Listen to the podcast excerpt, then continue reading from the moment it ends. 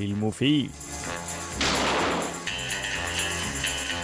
Studentradioens eget filmmagasin.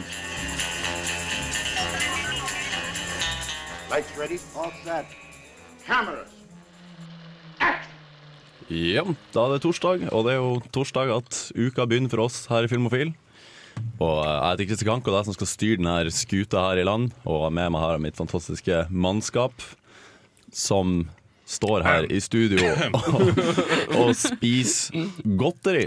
Ja, det gjør vi. Hvorfor gjør vi det, Jens Erik? Fordi eh, du og meg og tekniker Henrik Og eh, jeg tror dette er den mest, dette er den mest disgusting åpninga vi har hatt av en sending noen gang. Eh, og eh, Torgrim eh, var på quiz eh, under eh, uka på, eh, på onsdag og eh, vant hele sulamitten. Og det var en pose med godteri. Gratulerer, må jeg si da. Med, med god margin også, Skulle skal, ønske jeg skal det kunne sies. vært med. Ja, for du var opptatt i går. Ja, dessverre. Var det jobb? Ja.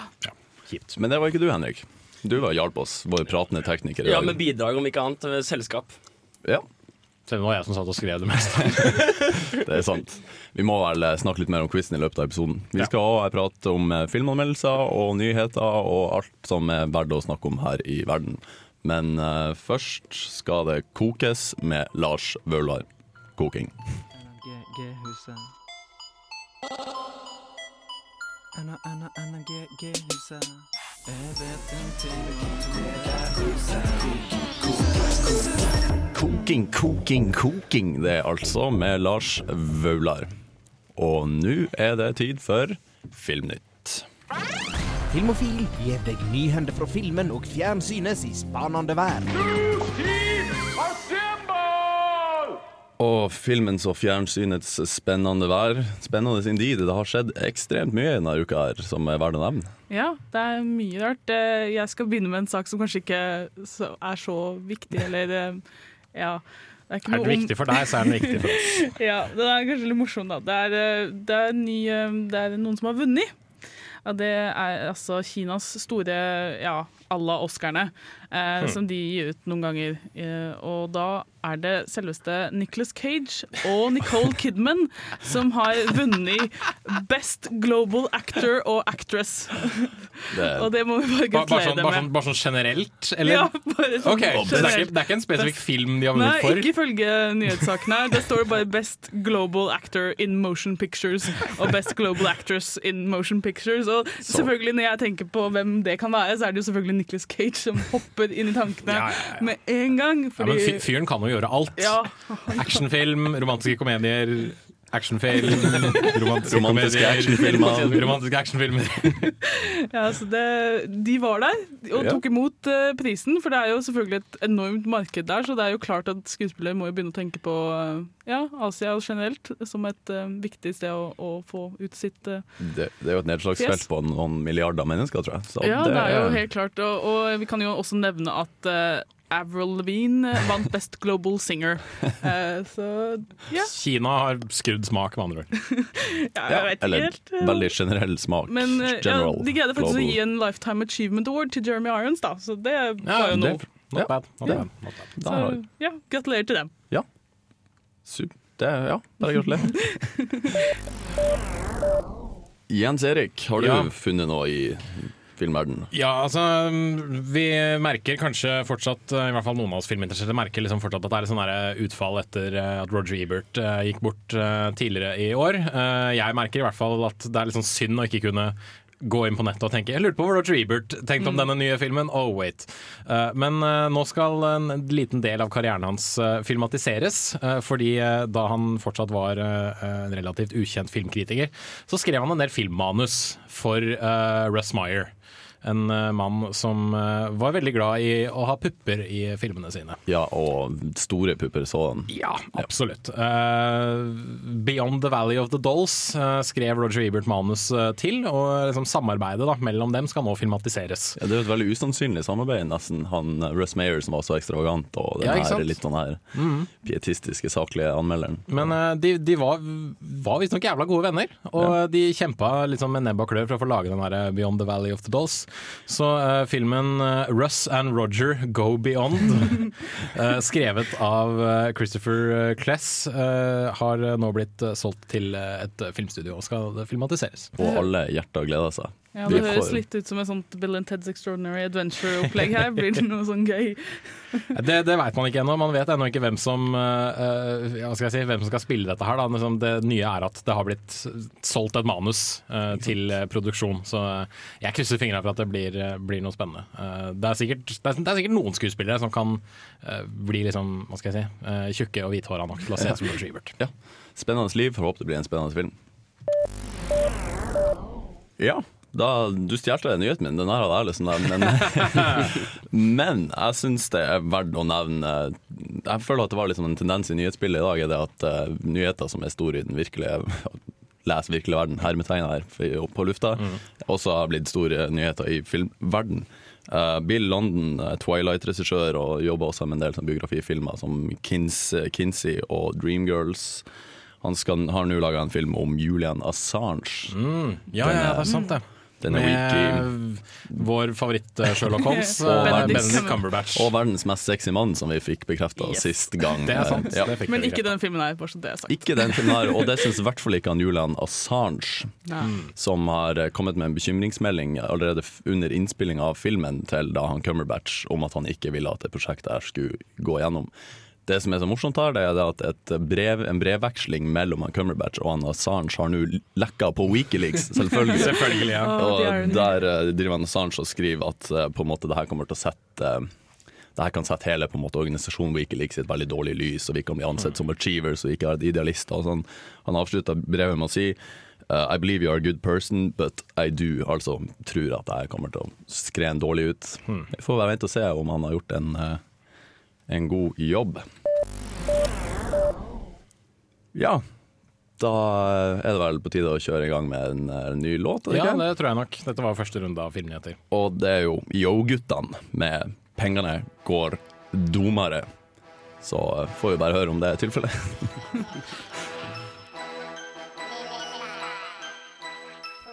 Så pengene går dummere, altså. Ifølge Yo-guttene. Bekreftet. Bekrefta. Og vi har uh, mer Filmnytt. Filmofil gir deg nyhender fra filmen og fjernsynets i spanende verden. Kortvokst nytt, Jens Erik. Kortvokst-nytt og kortvokst-nytt. Altså, ja, det er én spesifikk kortvokst. da. Peter Dinklage, som vi alle har blitt eh, veldig glad i gjennom TV-serien Game of uh, Thrones, har jo på en måte Uh, ja, Han har gått fra å være en liten sånn obskur uh, uh, karakterskuespiller til å bare liksom bli en stor Hollywood-stjerne nesten over natta pga. den serien. Uh, hans neste prosjekt det er litt uh, merkelig. Altså, vi vet jo at han skal spille Bolivar Trask i den nye X-Men-filmen. Um, men han skal også spille i en sånn slags Bad Santa-aktig film om en mann som prøver å overbevise alle rundt seg om at han egentlig er en leprechaun.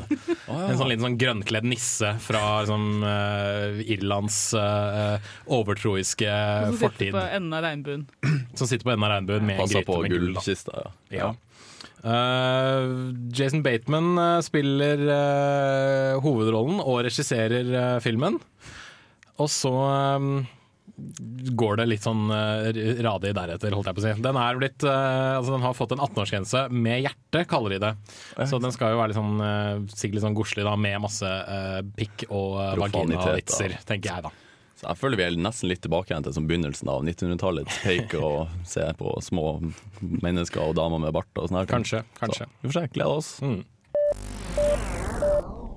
Vi skal over til eh, nok et uh, fantasiunivers, skal vi ikke det? Ja, det er ikke, ikke leprechauns i det universet, men det er dverger. Ja. Mange dverger. Det er selvfølgelig Hobbiten jeg snakker om, og jeg måtte bare ta opp den nyheten som handler om budsjettet til filmen, og det har kommet ut nå at eh, de har brukt eh, totalt på trilogien 561 millioner dollar.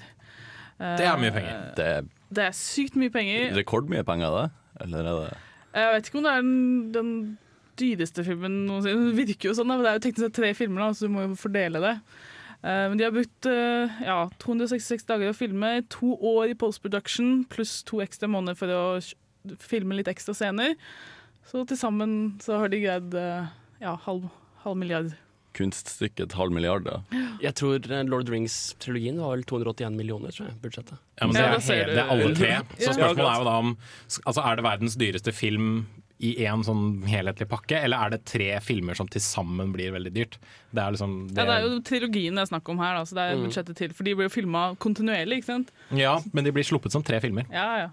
Så hvis du deler 553 Nei, Noen, 61 563 noen ivrige lyttere kan jo ta det her. nei, tre, så får du, kan du jo beregne sjøl hvor, hvor dyr hver film er. Men det ville jo nok vært dyrere å, ta dem, å lage dem én etter altså en etter en.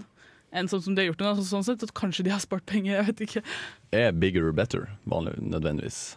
Det kommer vel kanskje an på hvem som sitter bak uh, alt sammen, tenker jeg. Men, Peter eh, Jackson sitt tilfelle, så er svaret ja. Ja, men, sam, men samtidig, en del, lav, altså en del filmer med lavt budsjett, så er det ofte mye kre, mer kreative løsninger enn hvor de bare sier nei, vi spytter penger i det Ja, og på- gjør CGI, liksom. Ja, Du ser hans tidligere lavbudsjettsfilmer som Ja, er ja, gode for løsninger. Ja, ikke sant? Jeg må bare skyte inn en liten kuriøs uh, nyhet her mot slutten. For folk som er glad i The Princess Bride, denne filmen fra 1987, de kjenner jo til uh, kan, Vi kaller den Fantomets antitese. Denne, denne Dread Pirate Roberts, denne tittelen som går i arv fra ja, nye slemminger fra generasjon til generasjon.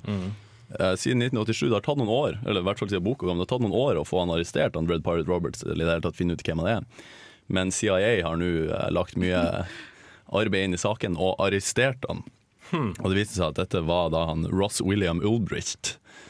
En uh, det her, er det her er en kurios sak. En liten en, data, en datanerd på 29 år som satt i San Francisco og jobba under pseudonymet Dread Pirate Roberts, der han uh, drev verdens største narkoomsettende uh, nettside på eh, online. De har omsatt for 1,2 milliarder dollar de siste to årene. Jeg er fornærmet at han bruker det navnet altså på vegne av alle fans her. Fy flate. Ja, men det er jo artig. Verdt å nevne. Han er arrestert. Så får vi se om det blir en, eh, En ny en. en ny film. Ja, Princess Bride. Vi skal kjøre i gang med Bun B med Fire.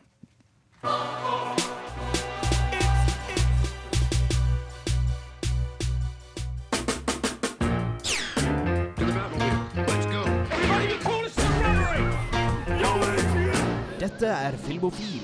Film, fjernsyn, skuespillere, kamera, action. Ja, rubb og stubb her på Radio Revolt.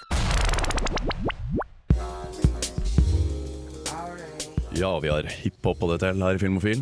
Først var det Bun B med Fire, og nå fikk dere Rhapsody med Lonely Thoughts. Merkelig med å si det, Christer. Du har altså, den der veldig dype stemmen din. Det altså, jeg, føler sånn, jeg føler at dette hadde passa veldig bra om du var i et jazzprogram. Ja. Ja, ja, ja. Litt sånn der, Snakke om litt sånn ja, rolig lounge-jazz med litt sånn fete beats. i Jeg skal, jeg skal ta opp med musikkprodusentene og kanskje ha mer litt sånn chill jazz. Kanskje vi burde ha litt sånn jazzmusikk i bakgrunnen som er sånn contentum her i, i studio. Kanskje det. Vi får, vi får opp til vurdering.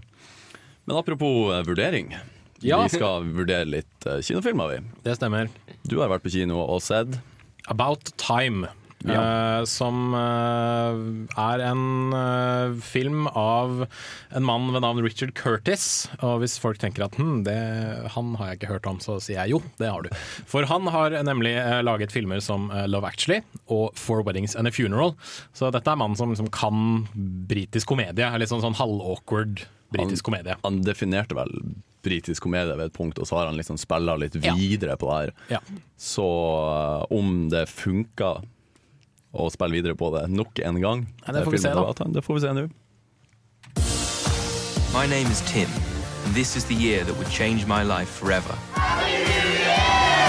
Happy New Year! I just didn't know it yet. Det er en problemstilling vi gjerne tar for oss på fest etter et par pils. Hva om vi kunne reise bakover i tid og rette opp alle de små feilene vi angrer på? Ville ikke livet blitt så mye bedre da? Deretter begynner diskusjonen om hva vi ville gjort og hvorfor, i et håp om at det vil gjøre tilværelsen lysere, lettere og mer innholdsrik. Og det er slike spørsmål Richard Curtis' nyeste film About Time forsøker å utforske. Tim, my dear son, this is going to sound strange, but there's this secret that the men in this family can travel in time. Wow.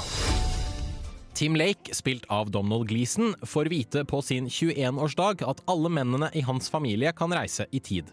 Akkurat hvordan dette går an, er ikke filmen særlig interessert i å forklare, men det er heller ikke viktig.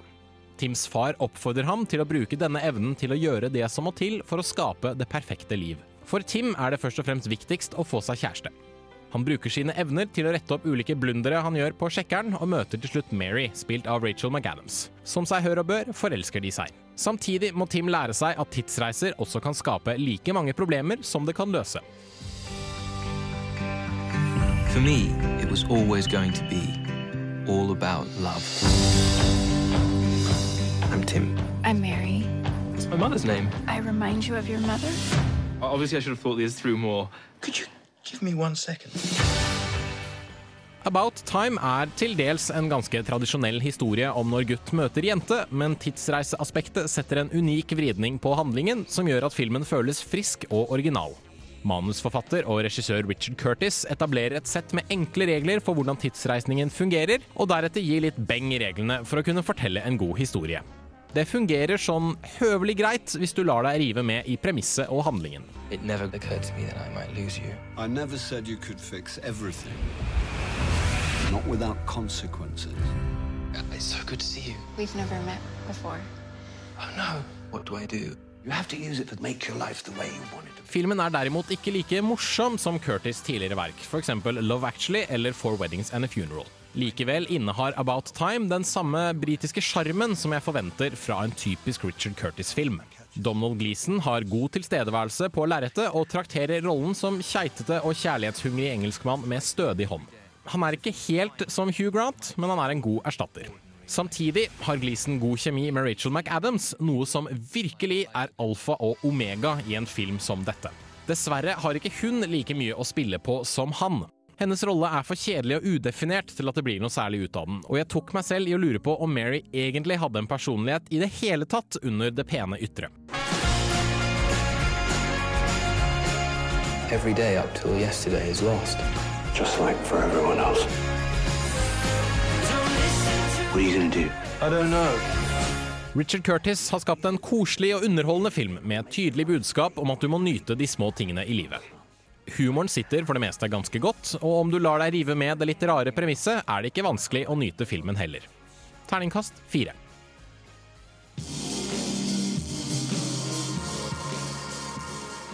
Det var Rytmeklubben du hørte der, med Men tok en me. Og før det så hørte du eh, Jens Eriksen anmeldelse av eh, filmen About Time. About Time.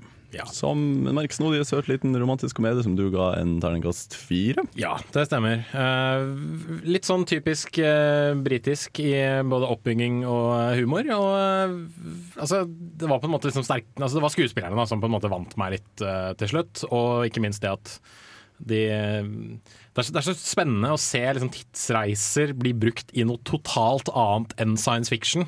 Hvor de bare sier at liksom Ja, du kan reise i tid. Her er liksom enkle regler for hvordan det fungerer. Og så bare Ja, men hvordan kan jeg egentlig gjøre det? Nei, du står i et rom, og så knytter du nevene, og så tenker du på dit du vil være, og så er du der.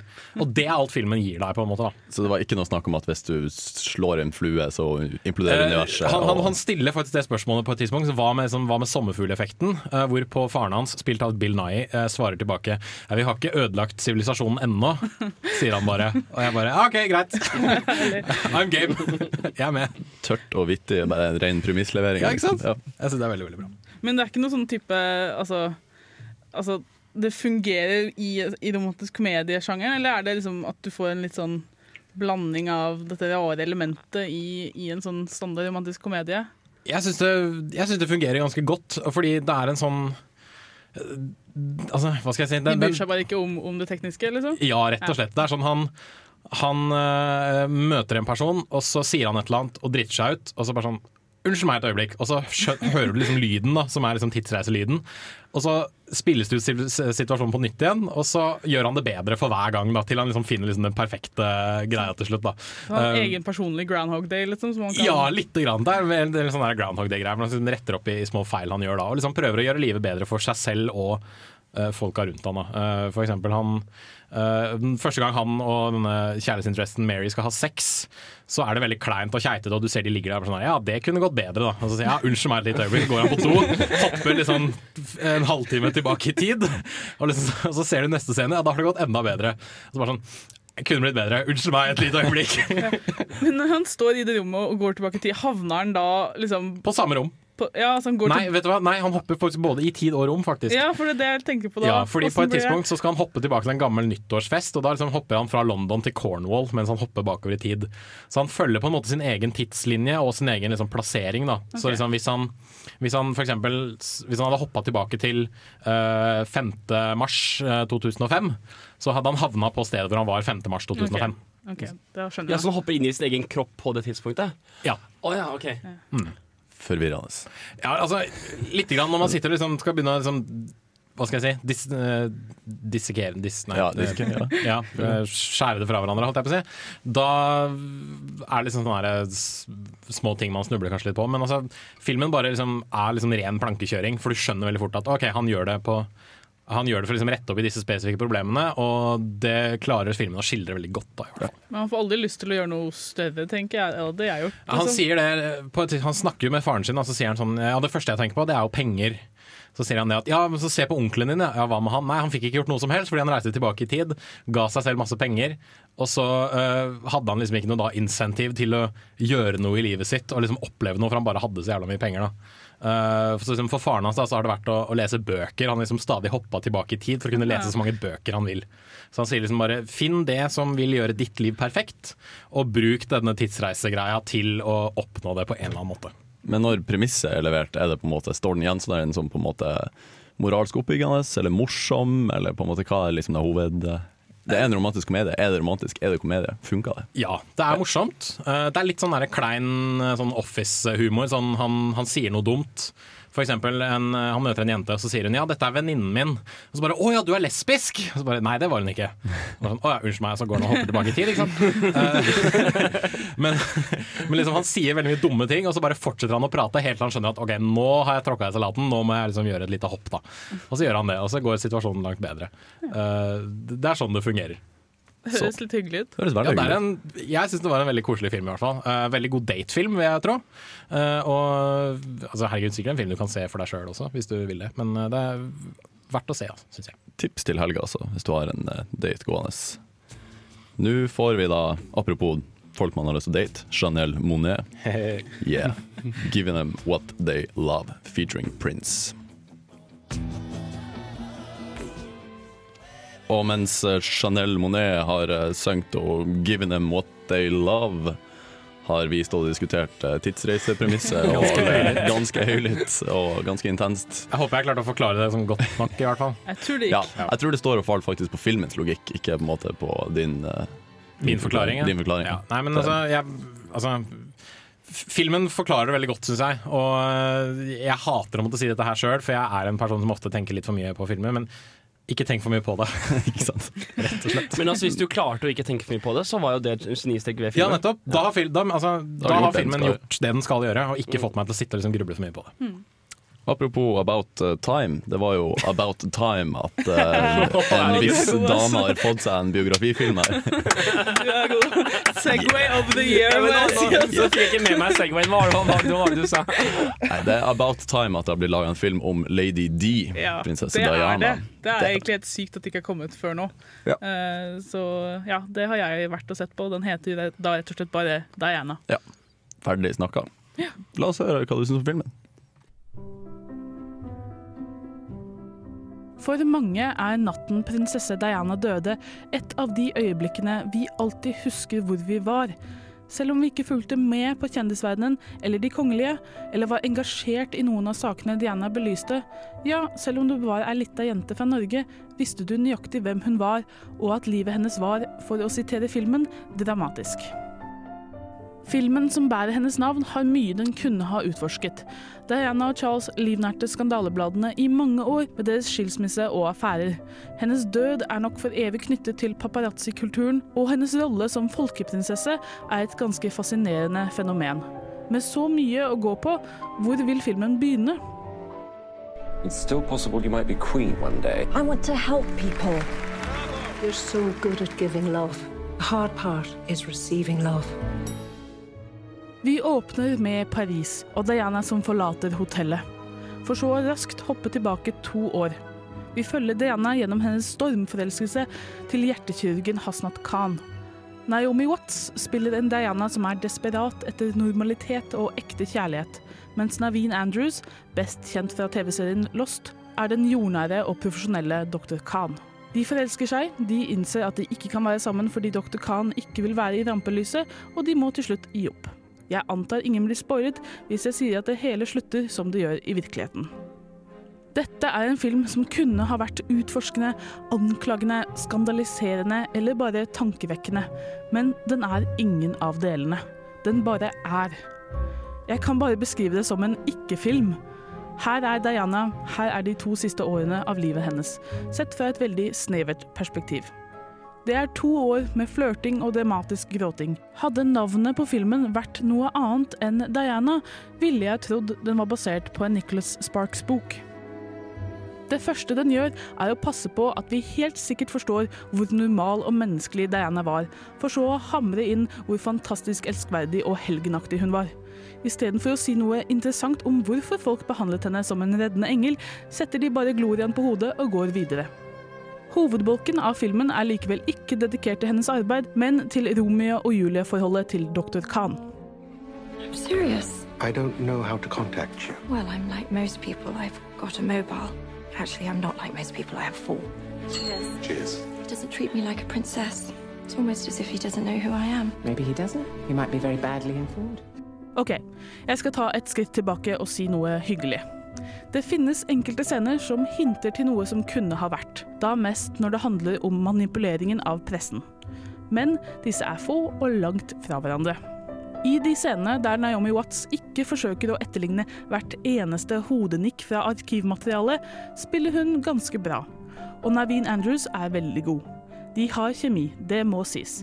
Men hver gang de ligger i sengen og gliser til hverandre eller sier noe søtt, blir jeg så klar over at filmen prøver å spille på hjertestrengene. Ja, den er søt til tider, og når vi ser hans reaksjoner til hennes død, følte jeg det litt trangt i halsen. Men det er bare ikke noe mer av interesse. Kynikeren i meg svelget tørt og så det hele som et billig Oscar-forsøk.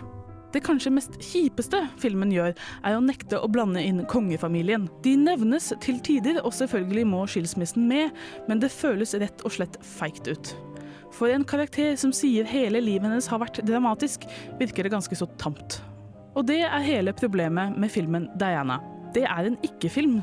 Alle delene, skuespillerne, regissøren, tidsepokens stil, er på sett og vis riktig. Men det er liksom ikke noe mer. Den forteller en tragisk kjærlighetshistorie, men uten å virkelig vise tragedien. Diana var verdens mest kjente person, men filmen om hennes liv kommer ikke til å bli husket. Terningkast to.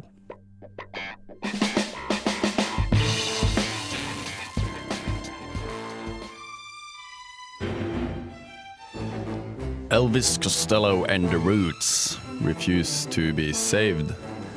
Og før det så eh, ble vi vitne til en svært brutal terningkast to Ja. til filmen Diana. kanskje litt slem, jeg vet ikke. Nei, Det er lov Ja. å være Du slem. Du var ikke slemmere enn det pressekorpset Du som kan drepte si Lady Di. det du vil si, det passer jævlig bra. Ja, nei, den måtte, måtte til, rett og slett fordi den hadde så stort potensial og var så skuffende. Så det er derfor den, eh, den faller, faller langt og hardt. Det er kjedelig at når det først skal filmatiseres, Ja, så det er, det det. er utrolig kjipt. Fordi hun er jo en ikonisk person som, som har så mye du kunne ha puttet på film. Så jeg sier det i anmeldelsen at den kunne ha vært alt fra å bare være tankevekkende og liksom hylles, til å være helt liksom, anklagende og skandaliserende. Du har liksom det vide spekteret av filmer du kunne ha lagd, og istedenfor så lager de en film som er ja, ingenting, rett og slett. Ikke sant. Jo, Princess Diana var jo spennende dame, eller i hvert fall i en spennende posisjon. Og Naomi Watts er jo ei god skuespillerinne, syns jeg. Hvor, hva gikk galt? Nei, altså I de scenene hvor, hun, hvor, hun er, hvor, hvor vi ikke veit hva som skjedde i virkeligheten, da, kan du si, hvor, hvor det er private scener mellom henne og, og dr. Khan, eh, så, så funker det. Ja, de er veldig søte sammen, de har god kjemi. Men sekundet hun skal ut i det offentlige, og vi kjenner igjen scener, vi kjenner igjen intervjuer, så får hun den der at hun skal treffe hver eneste nikk av Dianas hode, som hun var veldig kjent for å liksom sitte litt sånn framoverlent. Og det prøver Naomi Watts å etterligne så til de grader at du tror at dette her er en Saturday Night Live-sketsj. Altså det er helt sånn på det nivået. Det blir litt sånn der, uh, Uncanny Valley-effekt, Ja, kanskje. At liksom, jo, jo nærmere du kommer Ja. likhetene, jo mer tydelig er ikke-likhetene, Ja, si. nettopp, for hun ser jo egentlig ikke så veldig ut som Diana i Mhm. ansiktsfasong. Mm. Og det tenker du ikke over i de vanlige scenene, kan du si. Men når det kommer sånt hvor hun skal ha på seg de samme klærne ikke sant? og sitte på den samme stolen, mm. da ser du det så utrolig tydelig at det blir en, en distrasjon. Mer en karikatur enn karakterspilling. Ja, det er utrolig kjipt. Eh, Men han, han eh, Naveen Andrews er utrolig flink, ass. Det må sies. Så Han har jo alltid vært flink, vil jeg påstå. Ja. Jeg syns han var en av de beste i Lost. Ja, det, sy- syns jeg òg. Helt klart. Eh, Jeg så ikke ferdig Lost, men jeg så mye av han. Mm. Mm, så, men det er bare så kjipt at eh, de får bare denne sånn Ja, denne filmen hvor det bare er de to som er litt sånn kjipe, får ikke vært sammen når de ville være sammen, og så er det slutt. Det er liksom ingenting som skjer, egentlig. ja. Intetsigende og forglemmelig film. Ja. Hvis man husker hvor man var når prinsesse Diana døde, så er jeg ikke sikker på man husker at man har sett den filmen her. Liksom. Nei, Litt det sånn blir jo sånn på det nivået. Jeg husker jo at vi satt oppe eh, hørte på radioen, faktisk, for å høre hva som hadde skjedd. Eh, jeg var jo ti år når det skjedde, så det var liksom første gangen jeg måtte være med på liksom noe sånn internasjonal hendelse, føler jeg. da. Det var første gangen jeg bemerka at oi, shit, eh, verden er stor og skummel, på en måte. Eh, og så, ja, det, det står som en av de sånne hendelser som liksom, Dianas død, eh, 9-11 eh, ikke sant? Sånne punkter hvor du veit nøyaktig når du var, når du hørte og hvordan du reagerte. Og denne filmen gjør ingen det, ja, det gjør ikke den justice, da, kan du si. Akkurat der ble det gjort justice i fabelaktig Amelie fra Montmartre. Man kan jo kanskje nevne når, hun, eh, når Ja. prinsesse Diana dør, det går på TV-en, og hun Ja. blir helt sjokkert. Mm. Ikke liksom Det er den sånn- følelsen ja. du vil ha, og Så- det er det ikke her. Så man burde heller se den istedenfor å se Ja. Ja, det er en god anbefaling. Eller The Queen, hvor, den også, hvor det håndteres da får du liksom den innsida-blikket. Og det, det gjør den filmen utrolig bra, å vise hvordan dronningen må håndtere dette veldig rare forholdet som ikke har vært et sånt forhold i kongefamilie før, liksom en skilsmisse og alt det der, som hun må håndtere. Det, så heller se den. Ja. Det var filmtips. Ikke se Diana, se noe annet bra istedenfor. The Queen. Ja. Vi skal nå høre Broen med Shiver Never Shiver, og etterpå skal vi få Trondheimsbandet Usk med The Gesture I Just Made Means I Love You. Yippee-ki-yay, motherfucker. Du lytter til Filmofil på Radio Revolt. Besøk oss gjerne på våre nettsider på radiorevolt.no filmofil. Der finner du meldinger av kino- og videopremierer, og i tillegg podkast av alle våre sendinger. Har du ris eller ros, tips eller triks, kontakt oss gjerne på elektronisk post. Filmofil, krusedullalfa, radiorevolt.no.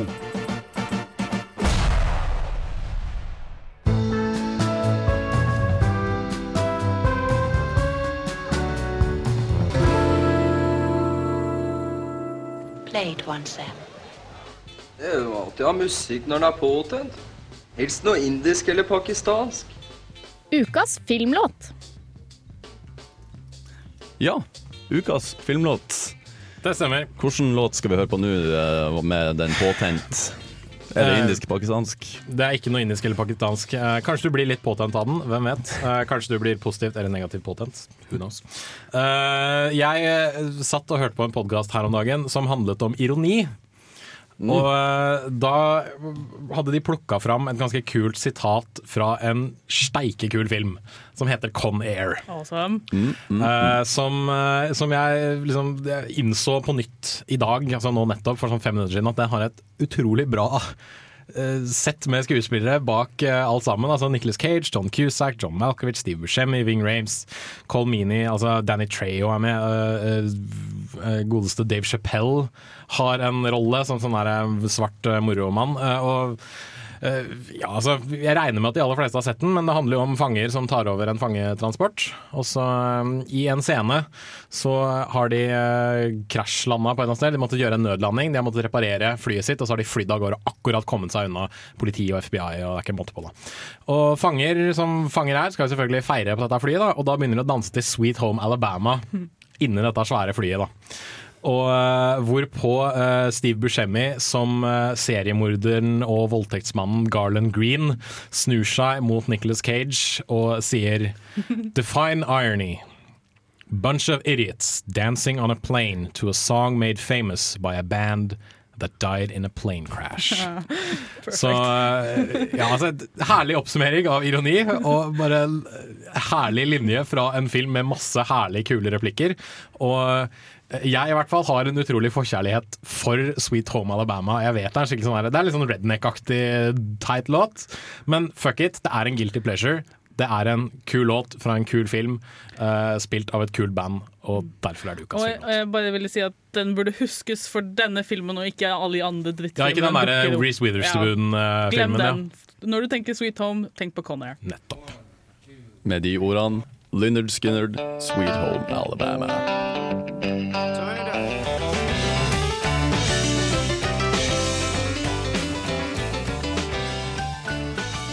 Lynyrd Skynyrd med Sweet Home Alabama. Herlig låt som egentlig ikke er lov å spille her på studentradioen fordi den anses som harry.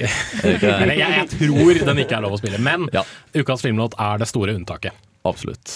Takk Gud for at uh, Con Air er en såpass nevnverdig film at vi har får en anledning til å spille denne låta. Nettopp. Nå skal vi endre fokus til eh, videohylla og se hva som kommer ut i løpet av den kommende uken. Nytt i videohylla. Rykende ferske digitalfilmer som du kan ha i din heim. For det har seg jo slik at eh, vi har en oversikt over hva som blir å finne av DVD og Blu-rays eh, i dagene fremover. Og foruten noe sånn her March of Dinosaurs og en del Lego-filmer og Justin Bieber-film og diverse, så er det ikke Det er på en måte ikke så mye navnverdig, syns jeg. Nei, Jeg vil ikke si det. Altså, hvis du er veldig glad i Clint Eastwood, så er det en eh, 20-films collection-box som du nå kan plukke opp. Altså, du får Dirty Harry, Magnum Force, du får uh, Sudden Impact, du får Heartbreak Ridge, du får Mystic River, du får Gran Torino, du får eh, Letters from Iwo Jima, du får Invictus, du får J. Edgar. Altså, det er eh, Pale mye- Rider. Pale Rider. Det er veldig, veldig mye å ta her, altså. Virkelig. Hvis du er glad i Clint Eastwood. Og det er det sikkert veldig mange som er. Og jeg vet ikke hva dere syns, men jeg er faktisk veldig glad i Disney-filmer. Så Ja, jeg, ja, òg. Det- har masse her som jeg kan Jeg tenke meg. Jeg syns rett og slett vi skal sette av en liten eh, noen, noen sekunder Noen her minutter frem, noen minutter kanskje, til å bare prate om litt eh, Disney-film, for det er mye å knaske og ta tak i. Kan også bemerke den eh, dokumentaren eh, 'March of the Dinosaurs', som er eh, ganske bra. Ja. Godt å høre. Ja. Og så er det flere bokssetter som gis ut. Nå kommer jo Dark Knight uh, sammenfalla i en, i en, i en enkel boks. Så det er veldig bra. Er du glad i filmklassikere, så er 'Trollmannen fra Os' eh, Ja. ute på Blu-ray.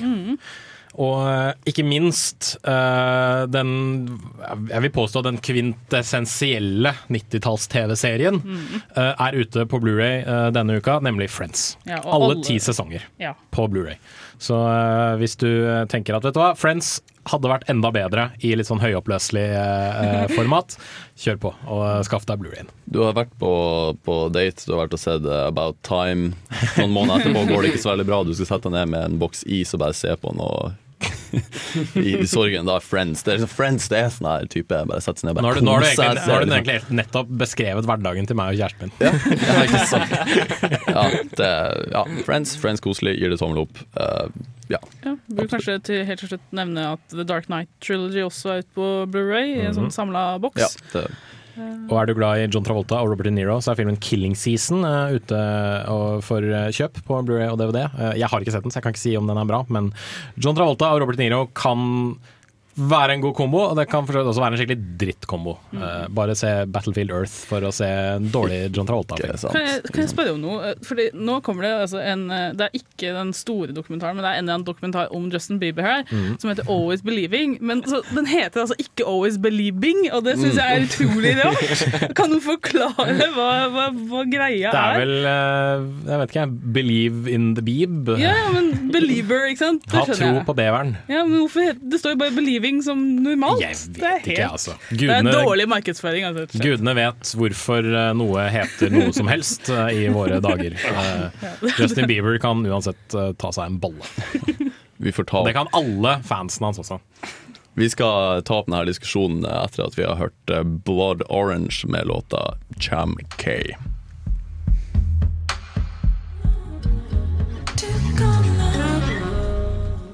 Det var Blood Orange det med Chama K. Og nå har jo blodappelsin eh, i Norge skiftet navn til rødappelsin, siden ingen ville kjøpe blodappelsin fordi det heter blod. Ja, har det. Yes. vampyrene, da. Jeg for min del likte jo ikke blodappelsin fordi det heter blodappelsin, så jeg begynte å kjøpe rødappelsin nå. Men nok om det. Vi skal snakke om Disney. Ja! Mm, for det her er Disney-release-uka si, si. Ja, det er en god del å, å ta for seg. Altså, Aladdin er uh, ute på en Blu-ray-release igjen. Bernard og Bianca er uh, kjøp, kjøpbar på Blu-ray. Um, uh, Min bror Bjørn. Min bror Bjørn, Ringen i Notre-Dame eh, og Tarzan er alle tilgjengelige på Blu-ray. Alle veldig bra filmer. Ja, og ikke minst Disney er noen sånne genimennesker når det gjelder liksom disse slippene sine. Fordi de har jo liksom, For det første så er de nummerert alle sammen i en eller annen form for uh, rekkefølge. Jeg vet ikke om det er årstall eller hva det er. Og så sier de bare ja, vi slipper det ut i en liten stund, og så tar vi det tilbake igjen. Og så låser vi det inn i hvelvet vårt, og så går det kanskje et halvt år før du ser det igjen. Skaper sånn monopoler rundt uh, Ja, på en måte. De, liksom, de, de begrenser antallet, og dermed skaper de mer etterspørsel. Og ikke minst da liksom ved å ha disse tallene uh, bak på coveret, så kan de selvfølgelig da uh, på en måte sikre seg da på at folk vil kjøpe det for å liksom fylle ut disse hølene i samlinga si. Tøft, tøft, tøft. Og det som er litt sånn tendens i den her bolken av filmer som slippes nå, er jo det at det er den her jeg vil, jeg, vil, jeg vil kalle det her, det kan vi åpne opp for diskusjon, men jeg føler at det er litt sånn gullalderen i tegnefilm. Det var før det her begynte å gå kjempedigitalt. Ja, de, de, mangler 'Løvenes konge', i hvert fall. Ja, altså, jeg vil si at Dette her er faktisk filmer fra ganske, ganske et lavpunkt egentlig i Disney. Fordi storhetstiden vil jeg si er med liksom, Lille havfruen og, og Løvenes konge og sånne Det er ting. sant, ja. Så Jeg vil si her- Aladdin er- tilhører ja, der, altså. Ja, ja, Aladdin er Men Bernard Bianca og Tarzan var ikke så store hiter på, på kino som de andre. Så, men i ettertid er de selvfølgelig like mye mange fans, vil Det jeg er si. da. Bernard og Bianca 2 Ja, de burde ha sluppet. Det er det vi begge er enig i, at det er toeren der som er en skjult skatt, vil jeg si. Jeg syns jo det her med toeren er litt skummelt. Da. Det er litt sånn Ja, den er dritskummel. Ja, den er dritskummel. Toeren er skummel for at når man liksom har vært på toeren, så er det ikke sikkert at eneren er så spennende lenger, på en måte. Så hvis toeren Var dette en bæsjevits eh, du prøver å legge opp til nå, Christer? Jeg prøver å pakke det inn som en dårlig seksuell referanse her. Men det er bare at Hvis du har en negativ opplevelse av toeren, så ja, okay, greit. så kan det at du ødelegger hele eneren. Liksom. Jeg personlig liker eneren veldig godt. Bernhard og Bianca er en, en nydelig film. Ok. Jeg vil bare si at Det som jeg syns er så gøy med Bernard Bianca, er den derre muse...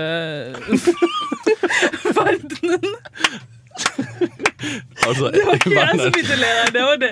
Jeg skulle si at det er så gøy når de har sånn egen versjon av FN og sånne ting, som er så gøy. Og i min hjerne da, så er, er Basil the Mouse Detective i samme univers, da. Fordi de er Ja, det, begge det vil jeg sånn- absolutt si. Det er så gøy å tenke på. Fantastisk film. Det er, den, den tror jeg også er tilgjengelig på Blu-ray på et eller annet uh, tidspunkt for et par uker siden. Uh, men ja, Bernhard og Bianca 2 den har jeg fortsatt traumer Mm. til, i hvert fall når de flyr uti snøen og alle de greiene der. Vakker, vakker jeg, jeg vil gjerne snakke om, om Brother Bear, som er en av mine favoritter. Som er også veldig sånn undervurdert. Det er ikke så mange som har sett den. Den er ganske relativt uh, nyere, da, kan du si.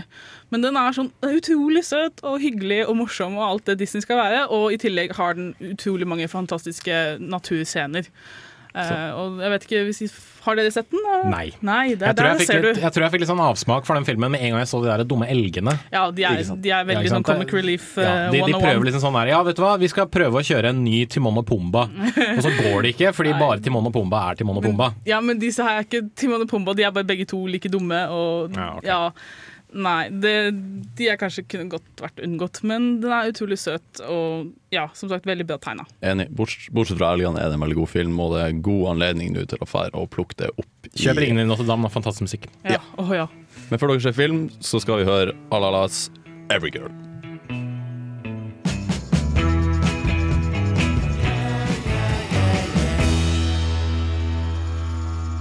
Alalas med Every Girl.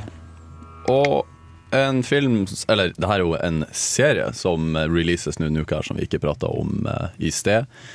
Er jo den fantastiske BBC-serien Africa, med undertittelen eh, Eye to Eye with the Unknown. Narratert av fantastiske David Attenborough. Sir David Attenborough.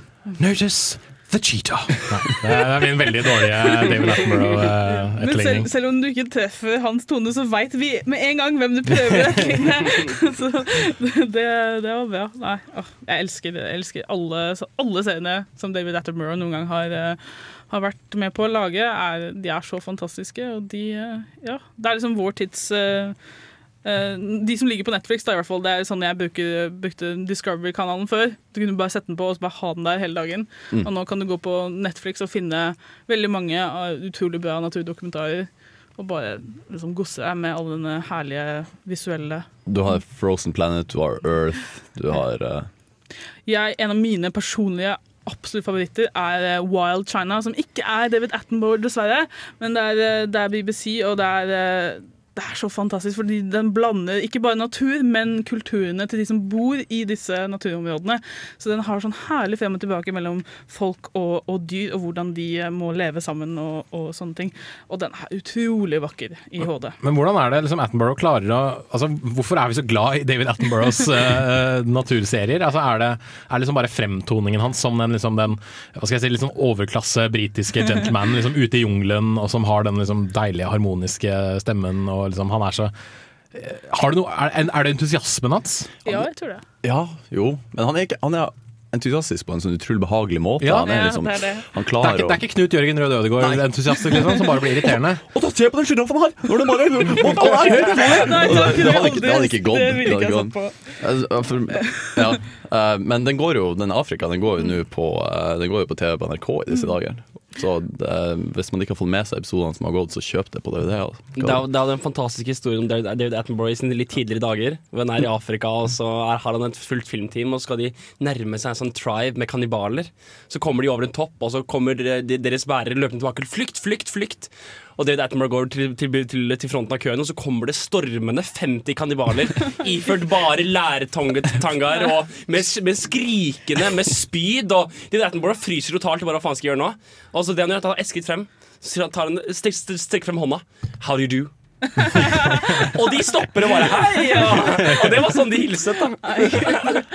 Uff, ja. Jeg tror det har litt med det at han, at han er både Han har behagelig stemme, men ikke minst han har utrolig mye kunnskap inne. Mm. Altså, Mm. Selv han er ikke bare der som en reporter, men han har utrolig mye kunnskap om naturen og om eh, ja, sånne ting som er aktuelle i dag, som global oppvarming og sånne ting. Jeg synes En av de tingene som på en måte personifiserer eller summerer opp hele den der rolige nautologien i forhold til hvor episk det som skjer på skjermene, er faktisk fra serien Afrika, der det er to sjiraffer som er i en sånn dødelig kamp med hverandre. Fantastisk klipp dere kan finne på nettet hvis ikke dere ser serien. Men det er liksom det er det, mest episke man har sett på. Det er som om en eller annen fyr fra Hollywood har sluttet å screenwrite i kampen mellom de to eh, sjiraffene. Og David Attenborough sier 'look at this'. Ja, jeg, klar, jeg kan ikke ta meg parodien, men likevel. Det er bare, dere skjønner. Jens Erik. Behold the giraffe. Gøy, gøy, gøy. gøy, Jeg tror jeg hadde klart det bedre om jeg hadde hatt spesifikke liksom, sitater. Så hadde jeg kanskje klart det. Men eh, jo, ja, han er en, han er litt av en fyr. Vi får kjøre en imitasjonsspesial av Filmofil en gang i fremtiden. Så få med dere Afrika. Nå skal dere få med dere US Girls med Overtime.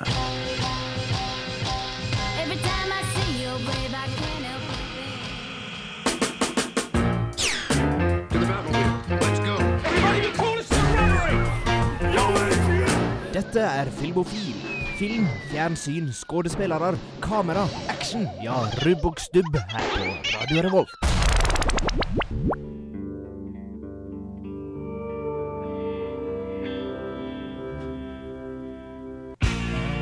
Hei!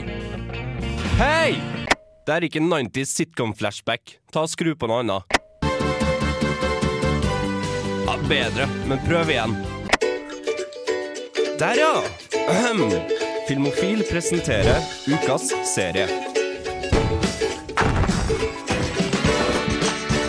Ja. Nå, vi hørte Bill Callahan i sted med The Sing, og hva vi hører i bakgrunnen nå, Jens Erik? Det er, eh, eller det var, for nå stoppa han jo, eh, den veldig korte åpningsvignetten fra ukas TV-serie Bob's Burgers. Yeah. Eh, en veldig, veldig kul animasjonsserie for ja Jeg vil ikke kalle det for voksne, det blir kanskje litt feil å si, men veldig kul animasjonsserie likevel. da. Fokus på humor. Eh, som de aller fleste animasjonsserier eh, amerikanske som finnes, stort sett. da. Eh, som handler om eh, en mann ved navn Bob.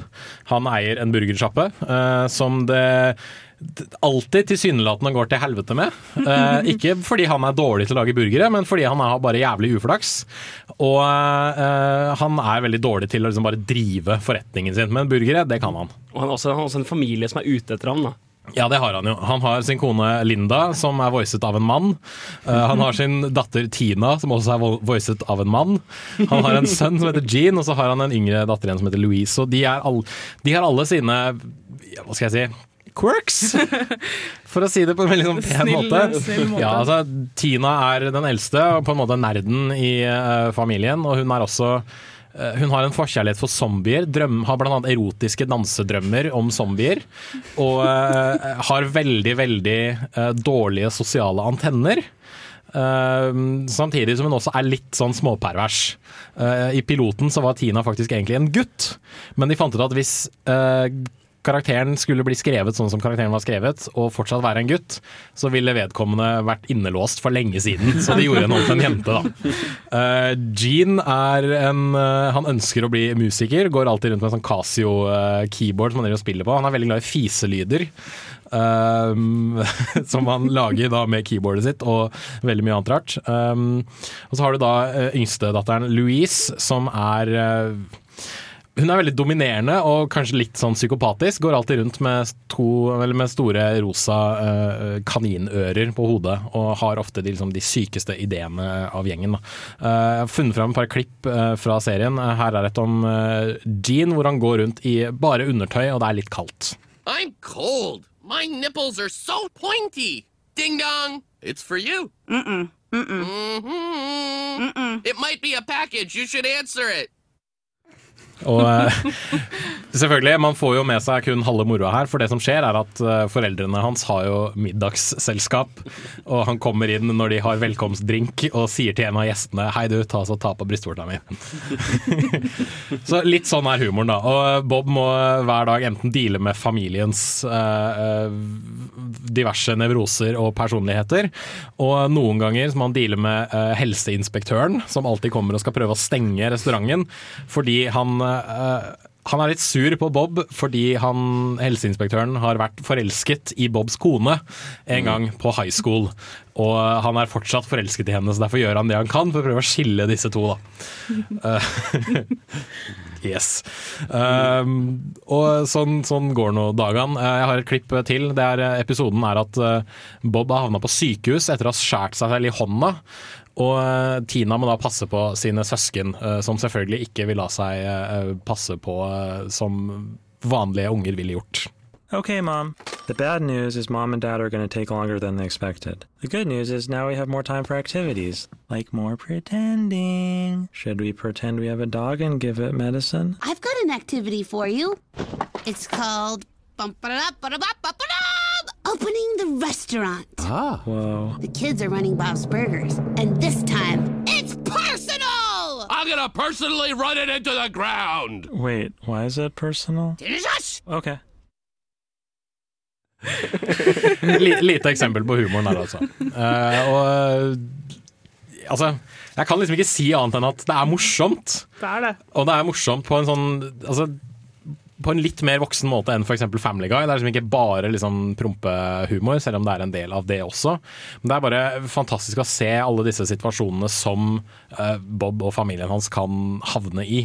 Jeg må også si at eh, den, jeg, liker veldig godt den stilen som det er tegna på. For det, er sånn, det ser ikke helt ut som noe annet, egentlig. Det er absolutt det er sant. liksom akkurat, akkurat på grensen til å se ut som noe annet, men det er egentlig helt Ja, unikt. det, er, det er kanskje litt på grensa til å se ut som noe sånn flash-animert, kanskje. Litt Men eh, absolutt, altså. Den, det er noe Det er noe det er noe unikt, eget, Ja. noe unikt med denne eh, serien, og, eller altså med tegnestilen. Mm. Uh, og um, noe som også kan være verdt å nevne, er denne åpningssekvensen. Fordi de, gjør, de tar en slags Simpsons, da.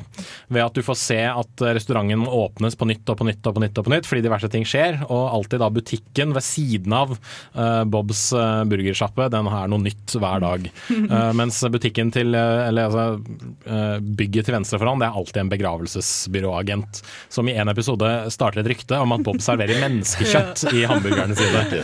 Hvorpå eh, hans egne barn står og protesterer mot menneskekjøtt utenfor hans egen restaurant. Ja, det er herlig. Altså, jeg elsker også alle stemmebruken. Altså, alle sammen er så, de har sånn herlige måter å, å, å si uh, linjene sine på, som, Ja. som bare fanger personlighetene til de forskjellige så herlig. Absolutt. Uh, Louise er hun som alltid skriker. Tina er alltid hun som uh, eh, eh, Veldig, veldig veldig usikker og veldig sånn der ja, Null sosiale antenner. Eh, og eh, selvfølgelig da eh, Bobs kone Linda, som eh, ofte er eh, Hva skal jeg si? eh, en kvinne for seg selv, vil jeg påstå. Som vil støtte sin ektemann, men som likevel er veldig egoistisk og prøver å gå sin egen vei i alt hun gjør. Jeg tenker Du sa det med at det er ikke nødvendigvis et voksenshow, men altså det er definitivt ikke et barneshow. Det er det ikke.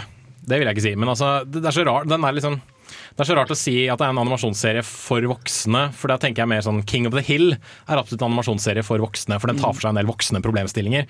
Mens her er jo fokuset mer på Bare tull, liksom. humor og absurde situasjoner og liksom tull, men jo absolutt. eh, Innholdet er mer voksent Ja, enn altså, f.eks. Uh, Simpsons eller Det Family er, Guy. ingen, det er ingen av personmotivasjonene, det er ingen av, av temaene som er lettforståelige for barn. Det tror jeg nok ikke, nei. Det er nok ikke. Så uh, det er nok for de som er over 18 år, i hvert fall, som kan forstå det. Litt barnslige voksne, og, ikke, og kanskje voksne barn. For eksempel. Så vel verdt å få med seg det, altså Bob's Burgers. Yes. Ja. Med det spiller vi Arctic Monkeys med låta Arabella.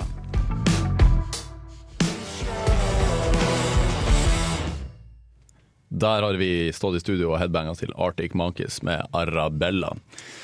Men nå har det kommet dit hen at uh, quizvinnerne i Filmofil skal pakke med seg! Og du, du, du, er en, du er en mental quizvinner. Hadde du vært der, så hadde du gjort det sterkt. Eh, vi skal pakke sammen godteriet og eh, ta Vi må fordele godteriet også, tror jeg. Det må vi gjøre. Ikke vi gjøre. pokker om Henrik får stappe alt i bilen sin igjen og ta det med seg. Det overlevde jeg fra i går. Altså. Ja, men jeg stoler ikke på deg noe særlig lenger. Jeg stoler ikke, jeg stoler ikke, lenger, altså jeg stoler ikke på deg lenger enn jeg kan kaste deg, og det tror jeg ikke er spesielt langt. Jeg har sett nå i løpet ditt av, i løpet av sendingen. Så ja, men det har vært en innholdsrik sending. Vi har fått eh, tatt for oss det viktigste som har skjedd innenfor nyhetsbildet. Vi har snakket om Hobbitens enorme budsjett, og at eh, Dread Pirate Roberts har blitt arrestert. Og, Og at, at Nick, uh, Nicolai Nick Cage er verdens beste skuespiller. Ja, ja, det er jo fantastisk å vite. Det er faktisk fantastisk å vite.